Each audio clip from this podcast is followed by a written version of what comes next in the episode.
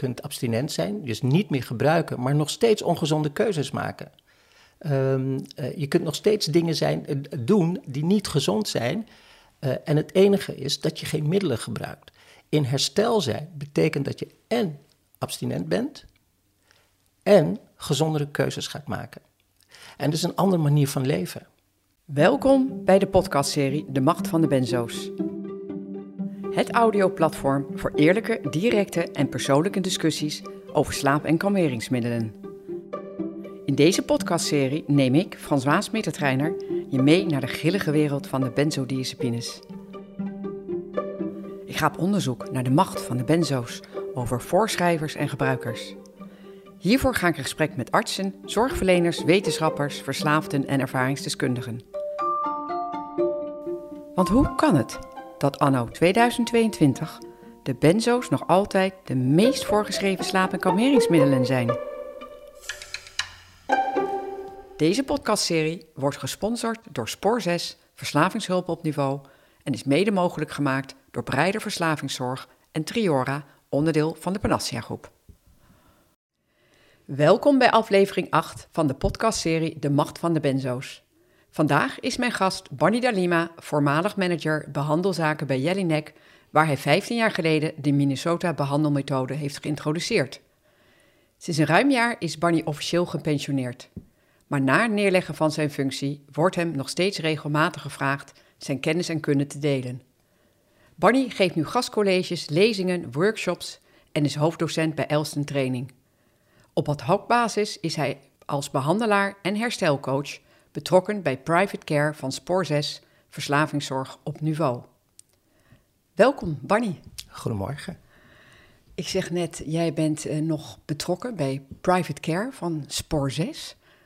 Wat houdt private care precies in? Private care houdt in dat ik met cliënten spreek die uh, de behoefte hebben om uh, gecoacht te worden, begeleid te worden uh, in een leven die dat ja, vaak ehm, chaotisch verloopt. en dat willen ze graag doen in een beperkte anonimiteit. Oké. Okay. En um, ja, dat komt omdat ze een, een, werkomgeving of een leefomgeving hebben um, waar dan uh, sprake is van een bepaalde kwetsbaarheid. Um, en waarvan ze vinden dat het uh, ja, eigenlijk niet zoveel andere mensen aangaat. Nee, begrijp ik. Jij dacht niet van, nou ben ik gepensioneerd, ik stop er lekker mee. Ik, ik heb namelijk gelezen in, er stond een heel mooi artikel over jou in het Parool, volgens mij ruim een jaar geleden. En daarin stond dat jij wel meer dan 2000 mensen hebt behandeld. En je dacht niet op een gegeven moment, nou, het is goed geweest. Um, nou, niet echt. Uh, ik heb uh, niet persoonlijk 2000 uh, cliënten behandeld. Dat heb ik samen met een team gedaan.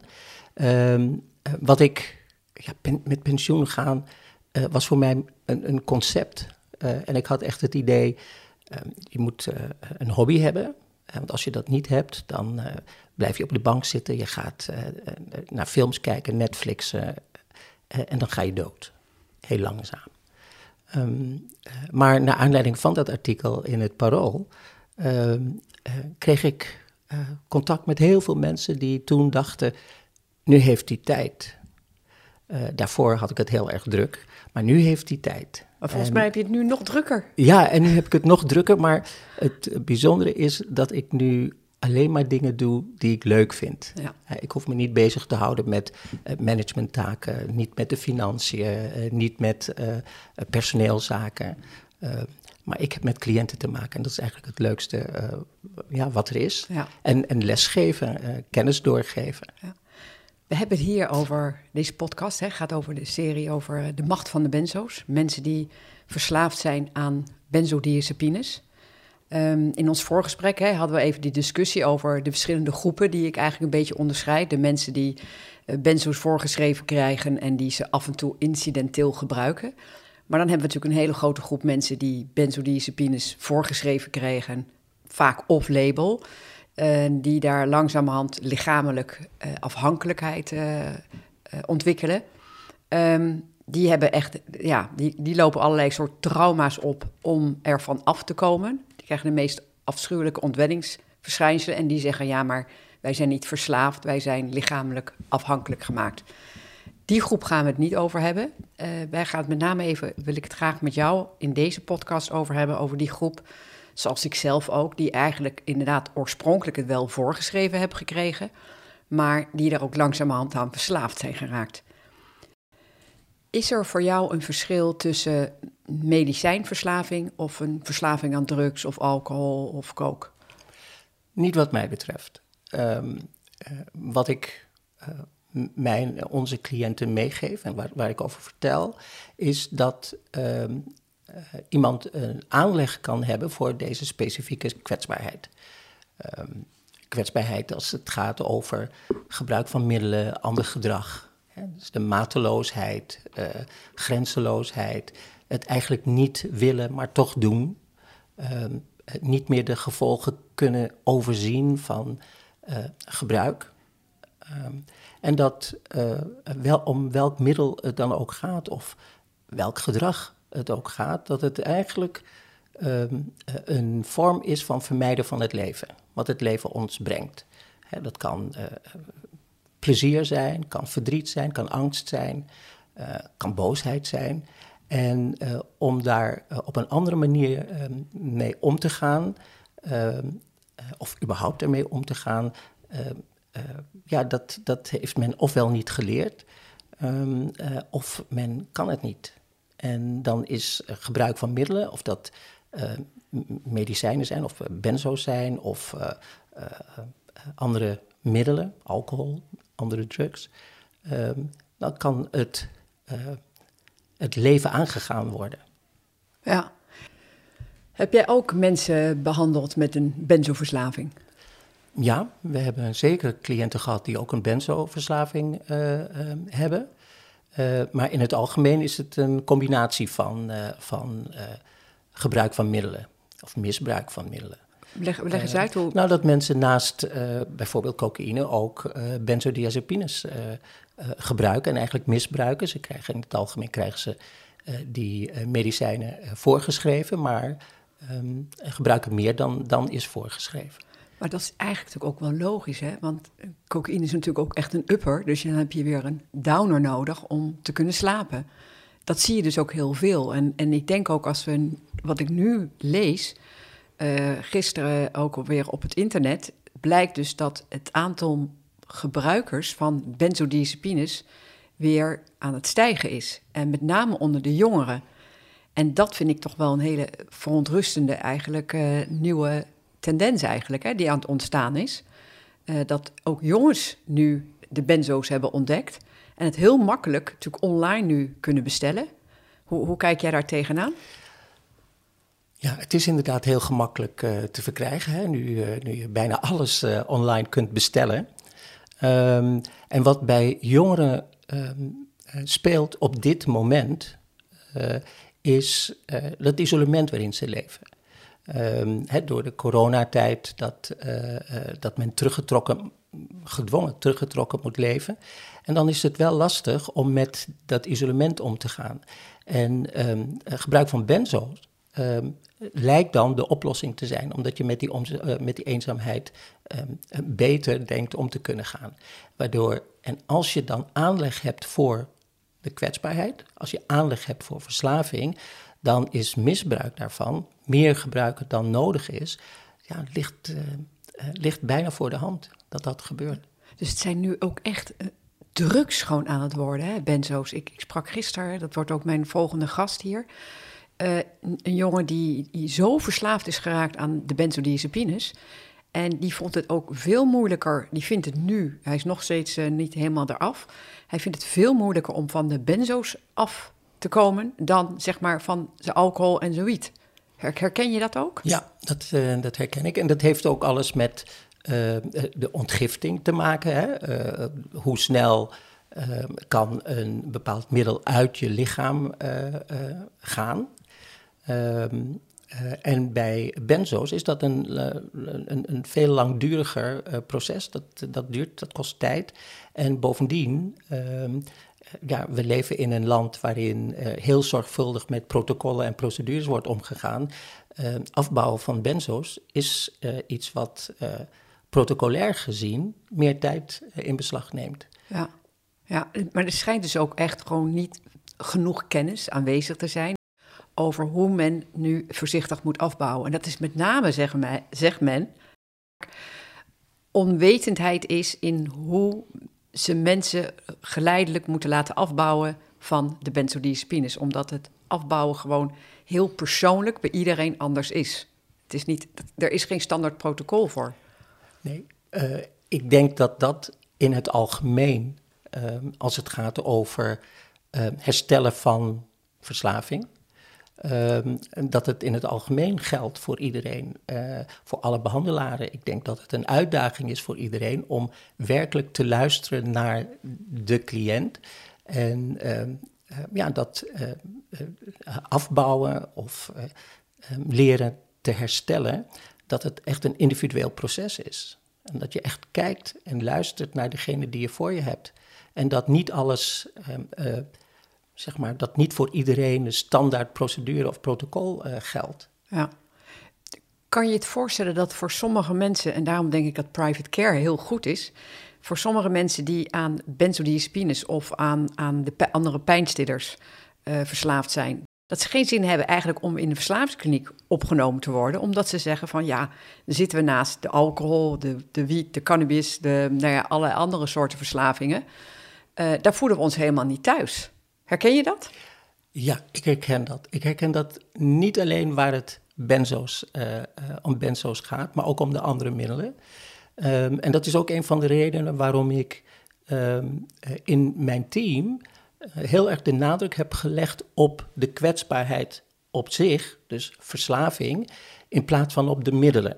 de middelen die worden uitgevraagd wanneer iemand een intake doet, maar dat het hele proces van de behandeling over verslaving gaat, over die kwetsbaarheid gaat, over waarom men iets nodig denkt te hebben om het leven aan te kunnen gaan.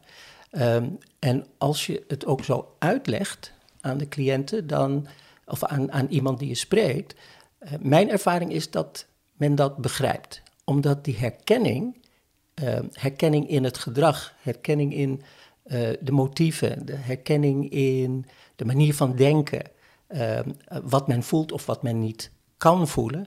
Ja, die, uh, als men, uh, ja, dat is precies datgene waarin men zich uh, de, de overeenkomsten ziet.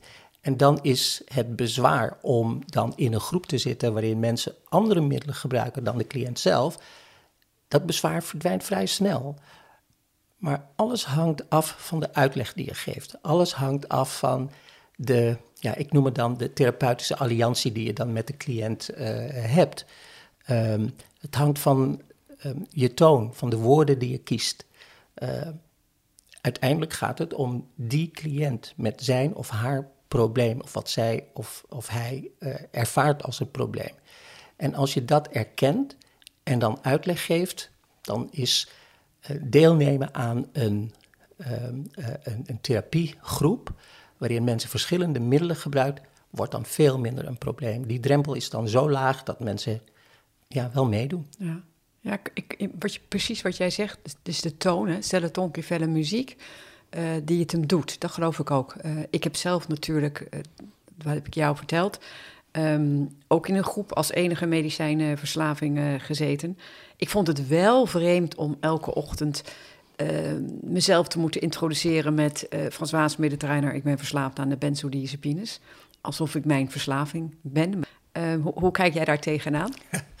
Want is dat een onderdeel van de Minnesota-behandeling ook? Nee, dat, sommige mensen denken van wel. Uh, misschien veel mensen denken van wel. Het is eigenlijk een, uh, een, een, vertaling die men maakt ehm, van datgene wat ze in twaalf stappen zelfhulpgroepen doen. Hè, daarin wordt dat gedaan.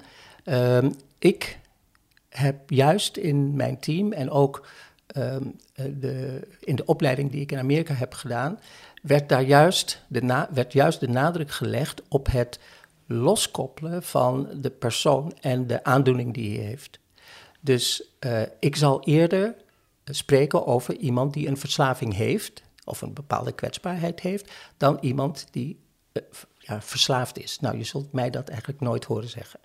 Nee, want je houdt niet van het woord verslaafd, hè? Nee, omdat het... liever kwetsbaarheid. Ja, kwetsbaarheid. ook omdat ehm, de cliënten die we hebben, en of dat nou de, de, de, de private care is die ik nu doe, of destijds bij Jelinek, Minnesota alle cliënten hebben te maken met het stigma dat rondom verslaving bestaat. Um, men schaamt zich daar ook vaak voor. Men voelt zich schuldig vanwege het gedrag, hè, van de keuzes die ze, die ze maken. Um, en als ik spreek over een blijvende kwetsbaarheid, dat is iets wat mensen eerder raakt hè, um, dan wanneer, je, wanneer we het zouden hebben over je bent verslaafd. En bovendien, als mensen anders willen leven uh, en je zou zeggen, ik ben verslaafd, hoe wil je mensen dan de hoop geven dat ze kunnen veranderen? Ja. Want dan ben je dat. Ja. En ik zeg altijd, ja, je bent niet die kwetsbaarheid. Je hebt een kwetsbaarheid. Net zo goed als wij, uh, uh, en ook ik dan spreek over, of uitleg aan, aan onze cliënten of aan mijn cliënten, dat je niet de emotie bent. Hè? Je bent niet het verdriet, je bent niet die boosheid. Um, en als je op die manier met cliënten praat, dan is de kans groot uh, dat er verandering plaatsvindt. Uh, want ze vereenzelvigen zich niet met die kwetsbaarheid of met die emotie. Ja. Heb je zelf ooit benzo's gebruikt? Ik heb ooit in een periode dat ik um, Aanvankelijk dacht ik dat het alleen maar somberheid was, maar dat was toch een depressie. En ehm, een depressie die ja, ook fysiek uh, pijn deed. Ehm, toen heb ik, een, heb ik gesprekken gehad met een psychiater die ehm, eh, heel goed wist hoe, dat, er, dat er een risico was of bestaat. En die heeft met mij heel goed dat hele proces bewaakt. En op het moment dat het aansloeg, heeft hij ook gezegd: Oké, nu gaan we dan, hè, dat doen we een bepaalde periode, maar we gaan ook weer afbouwen. En ja, dat, dat, ik, ik ben in de gelukkige omstandigheid geweest dat ik een psychiater heb getroffen die uh, daar heel zorgvuldig uh, mee om is gegaan en heel goed naar mij heeft geluisterd, omdat ik ehm, de risico's kende en dat heb aangegeven en hij daar werkelijk rekening mee heeft gehouden. Maar jij wist ook, de, wat, wat heb jij meegekregen toen jij jonger was van de benzo's, of toen je ook mensen kreeg met een benzoverslaving, wat was voor jou bekend van de benzodiazepines? Um, ik wist dat, um, voordat ik überhaupt in, in, in, in dit beroep uh, uitoefende en voordat ik überhaupt me daarmee bezig hield, uh, wist ik dat uh, wanneer mensen niet goed konden slapen, dat ze pillen Je kent dus echt voorgeschreven ja, kregen. Als slaaptabletten, ja. Ja, als slaaptabletten. Of als mensen spanningen voelden en dat, dat, dat ze dan kalmeringspillen kregen.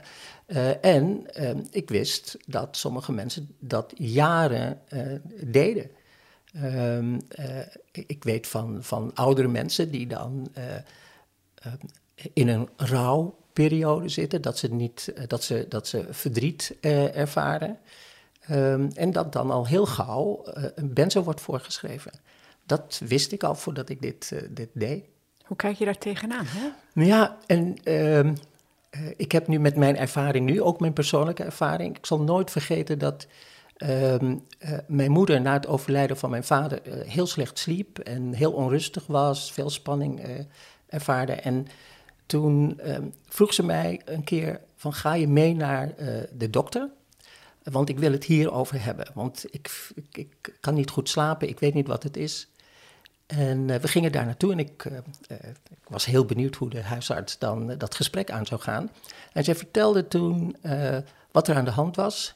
En ik zal de, deze arts zal ik eeuwig dankbaar zijn, want het enige wat hij toen zei was mevrouw Dalima, hebt u eigenlijk niet nog verdriet na de dood van uw man? En ze begon te huilen en dat was het. En dat was het ook echt. Ja, maar dat is het dus ook. En het bijzondere is, en ik wil niet zeggen dat het te makkelijk door iedereen wordt voorgeschreven, maar ik denk nog wel, want dit is ook weer iemand is in de rouw, iemand heeft iemand verloren. Maar dat zijn toch wel dingen die bij het leven horen, die we eigenlijk moeten ja, doorstaan, doorleven, doormaken. Ehm, zonder dat je daar gelijk weer een tablet in gooit. En ik denk, er zijn natuurlijk heel veel mensen die, die inderdaad die, die er tijdelijk even bij gebaat zijn. Maar als je dus, jouw woord te gebruiken, een soort zekere kwetsbaarheid hebt, ja, dan kan je wel heel snel daar natuurlijk verslaafd aan raken. Dat kan heel snel, ehm, eh, omdat zeg maar die verslaving die vertaalt zich ook echt hè, naar, naar het vermijden van het leven. Uh, het, ont, uh, ja, het niet aangaan uh, van het leven.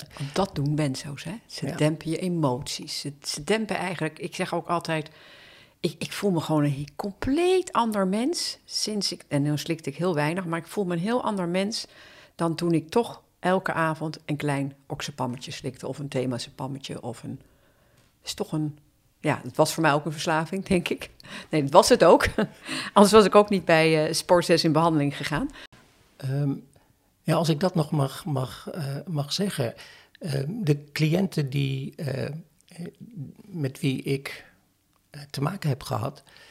Um, die ben zo verslaafd die, waren. Die, ja, maar überhaupt, hè? Ja? elke, elke vorm van verslaving, dat ik dan ook vertel en, en met mij, mijn team dat het er nu om gaat dat ze op een andere manier omgaan met het leven. En dat het leven soms ook verdriet oplevert. Hè? Dat, dat, of angst. En dat het oké is. En um, uh, dat het ook van voorbijgaande aard is. En dat het belangrijk is om met anderen uh, erover te hebben en je niet terug te trekken. want uiteindelijk vindt, is ook uit onderzoek gebleken dat dat de oplossing is. Je, je, je, trekt je niet terug, maar je gaat die verbondenheid aan. Ja, over verbondenheid gesproken ook. Um, ik las ook ergens, en dan weet ik niet meer waar, Barney, dat jij zegt: verbondenheid is eigenlijk het omgedraaide van verslaving. Of leg dat eens uit. Ja, um, uh, wanneer verslaving actief is, uh, en daarmee bedoel ik dat men dan middelen gebruikt of andere ongezond gedrag vertoont, um, dan ontstaat er een vorm van isolement, een gevoel van eenzaamheid. Als ik het daar met, met cliënten over heb die in die fase van hun leven zitten, dan dat is iets wat ze herkennen. Zich terugtrekken, uh, zich eenzaam voelen, de pijn van het, uh, van het alleen zijn, van het isolement. ook al zijn ze niet per se fysiek alleen, maar dat gevoel van alleen te zijn en er alleen voor te staan. Dat is dan op dat moment de situatie. En herstel is het omgekeerde daarvan. Dus als je wilt herstellen van verslaving, dan is het belangrijk om verbondenheid te creëren. Je verbindt je aan anderen en nog veel belangrijker is dat je verbindt met jezelf.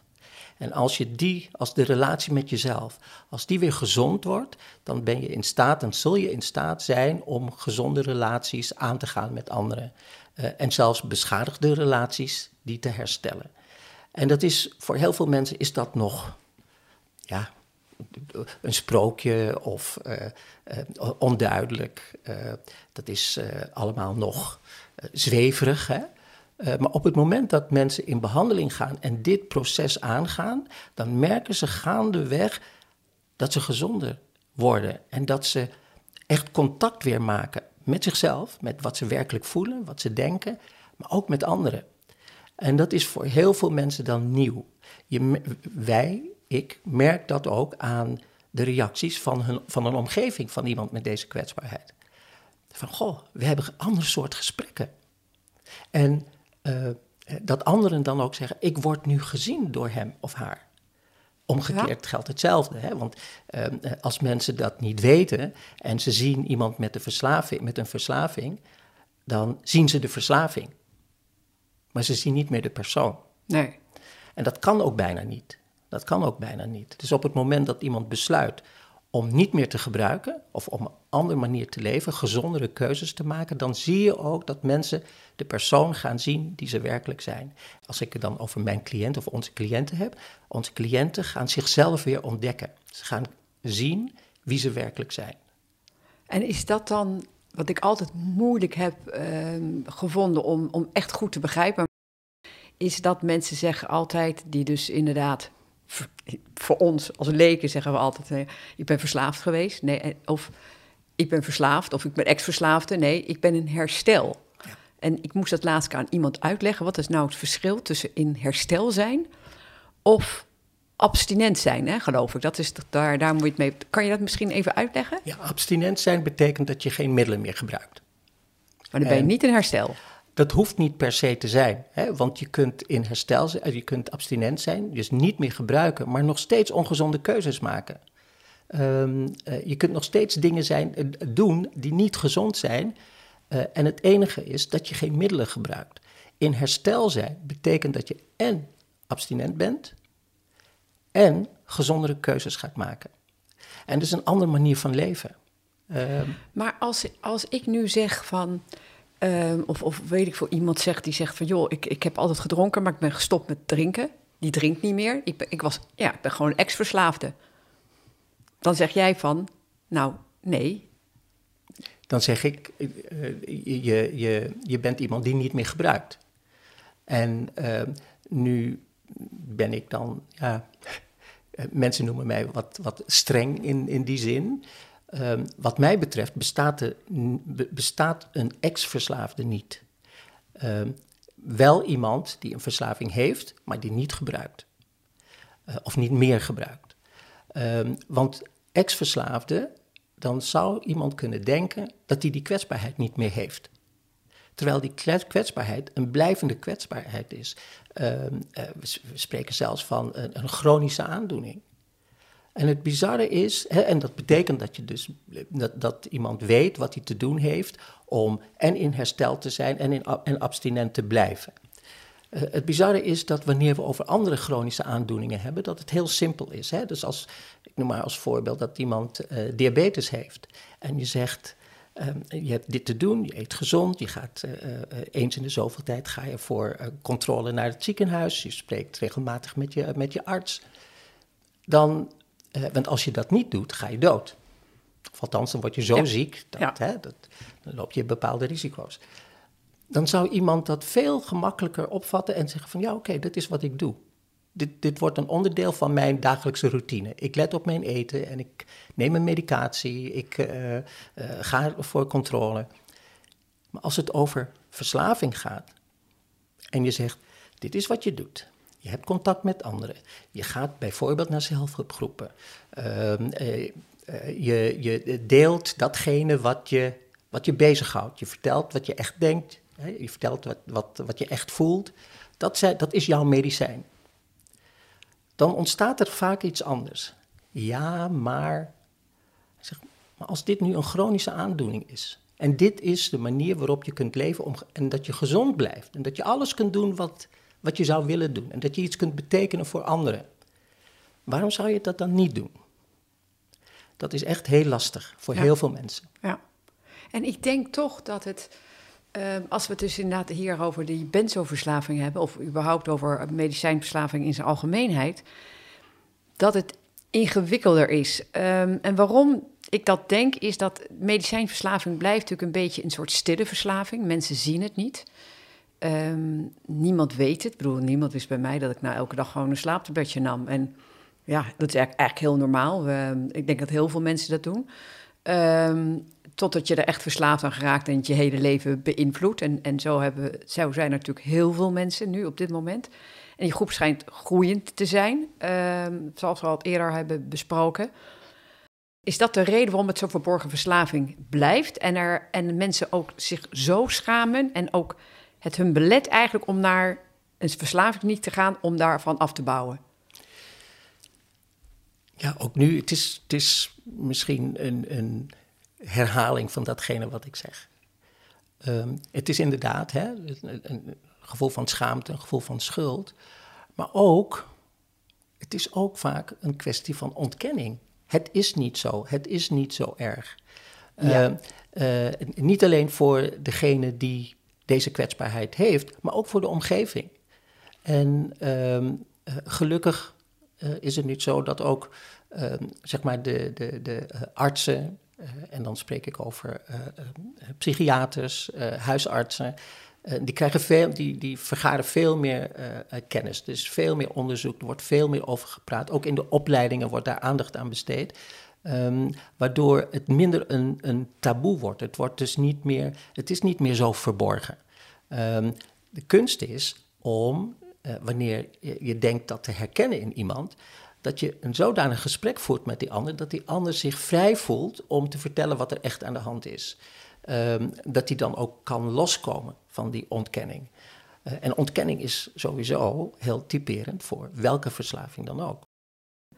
Maar ik ontvang toch nog echt reacties van vrouwen, zowel als mannen, die mij benaderen via LinkedIn of via de mail, die hun verhaal met mij delen en persoonlijk bedanken dat ik dus deze specifieke verslaving eindelijk weer eens op de kaart zet en zich herkennen in de vele verhalen.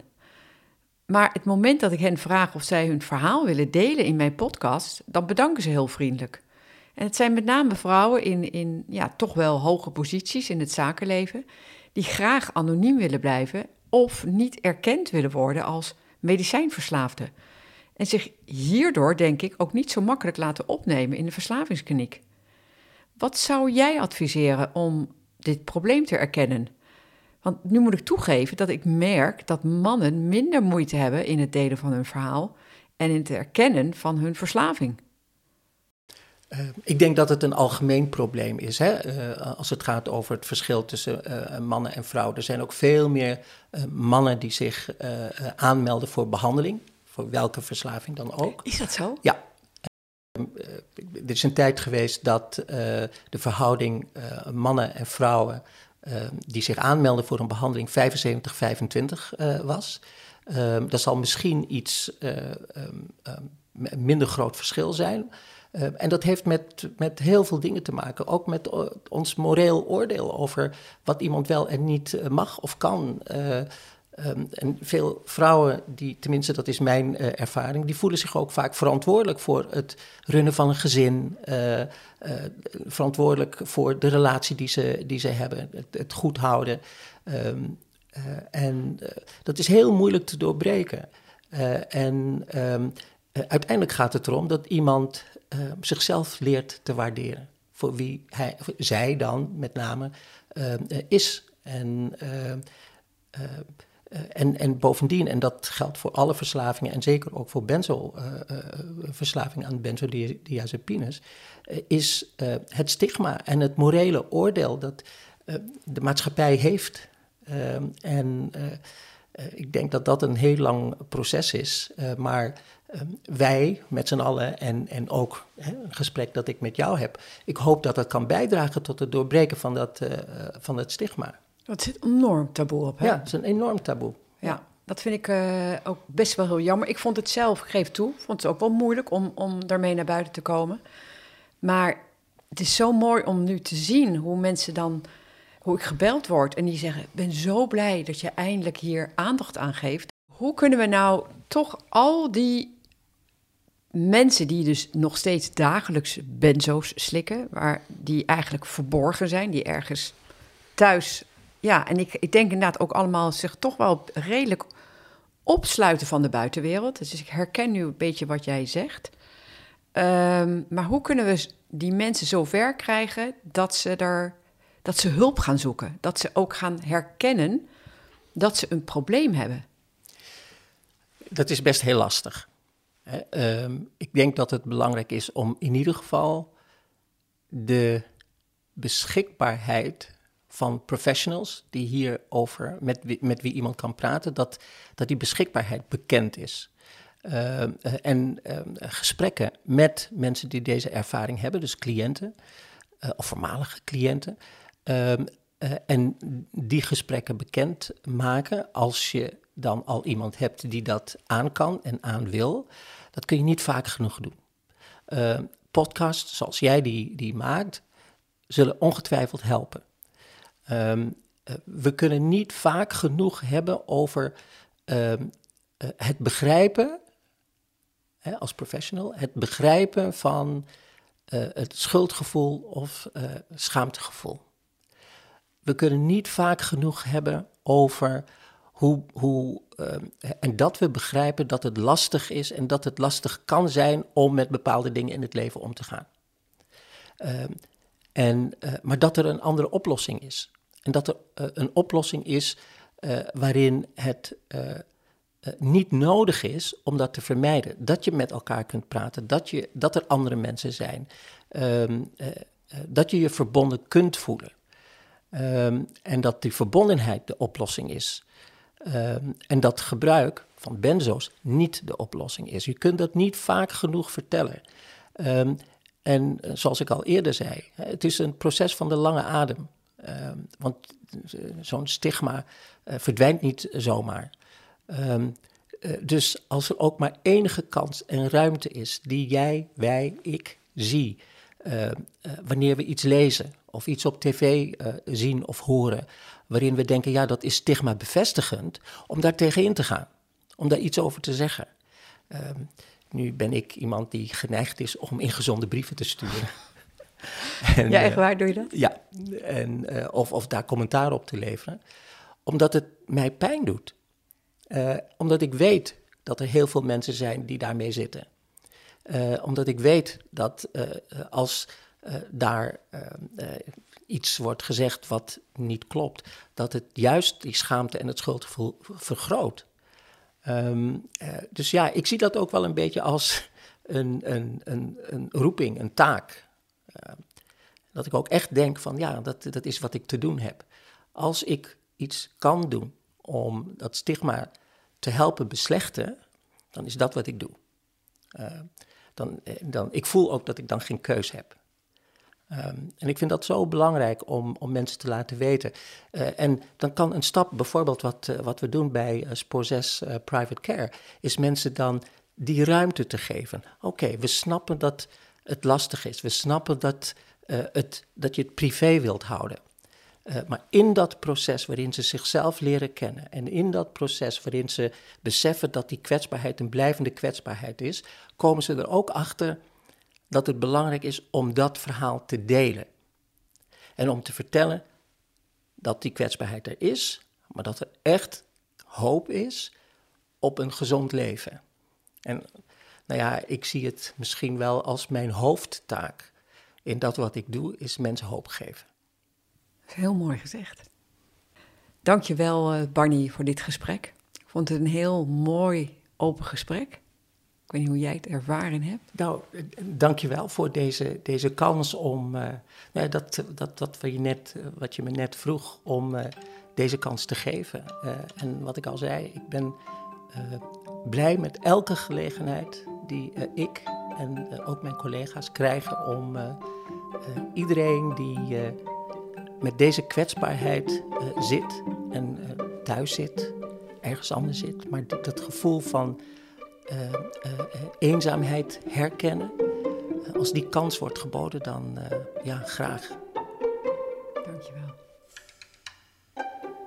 Je luisterde naar de podcast De Macht van de Benzo's in gesprek met Barney Dalima. Klik op de volgbutton, dan blijf je op de hoogte. Mijn volgende gast is Noah van Hagen, sociaal ondernemer in jeugdzorg en onderwijs. In deze podcast deelt Noah haar ervaring hoe de benzo's een behoorlijke impact op haar hebben gehad binnen de jeugd- en verslavingszorg.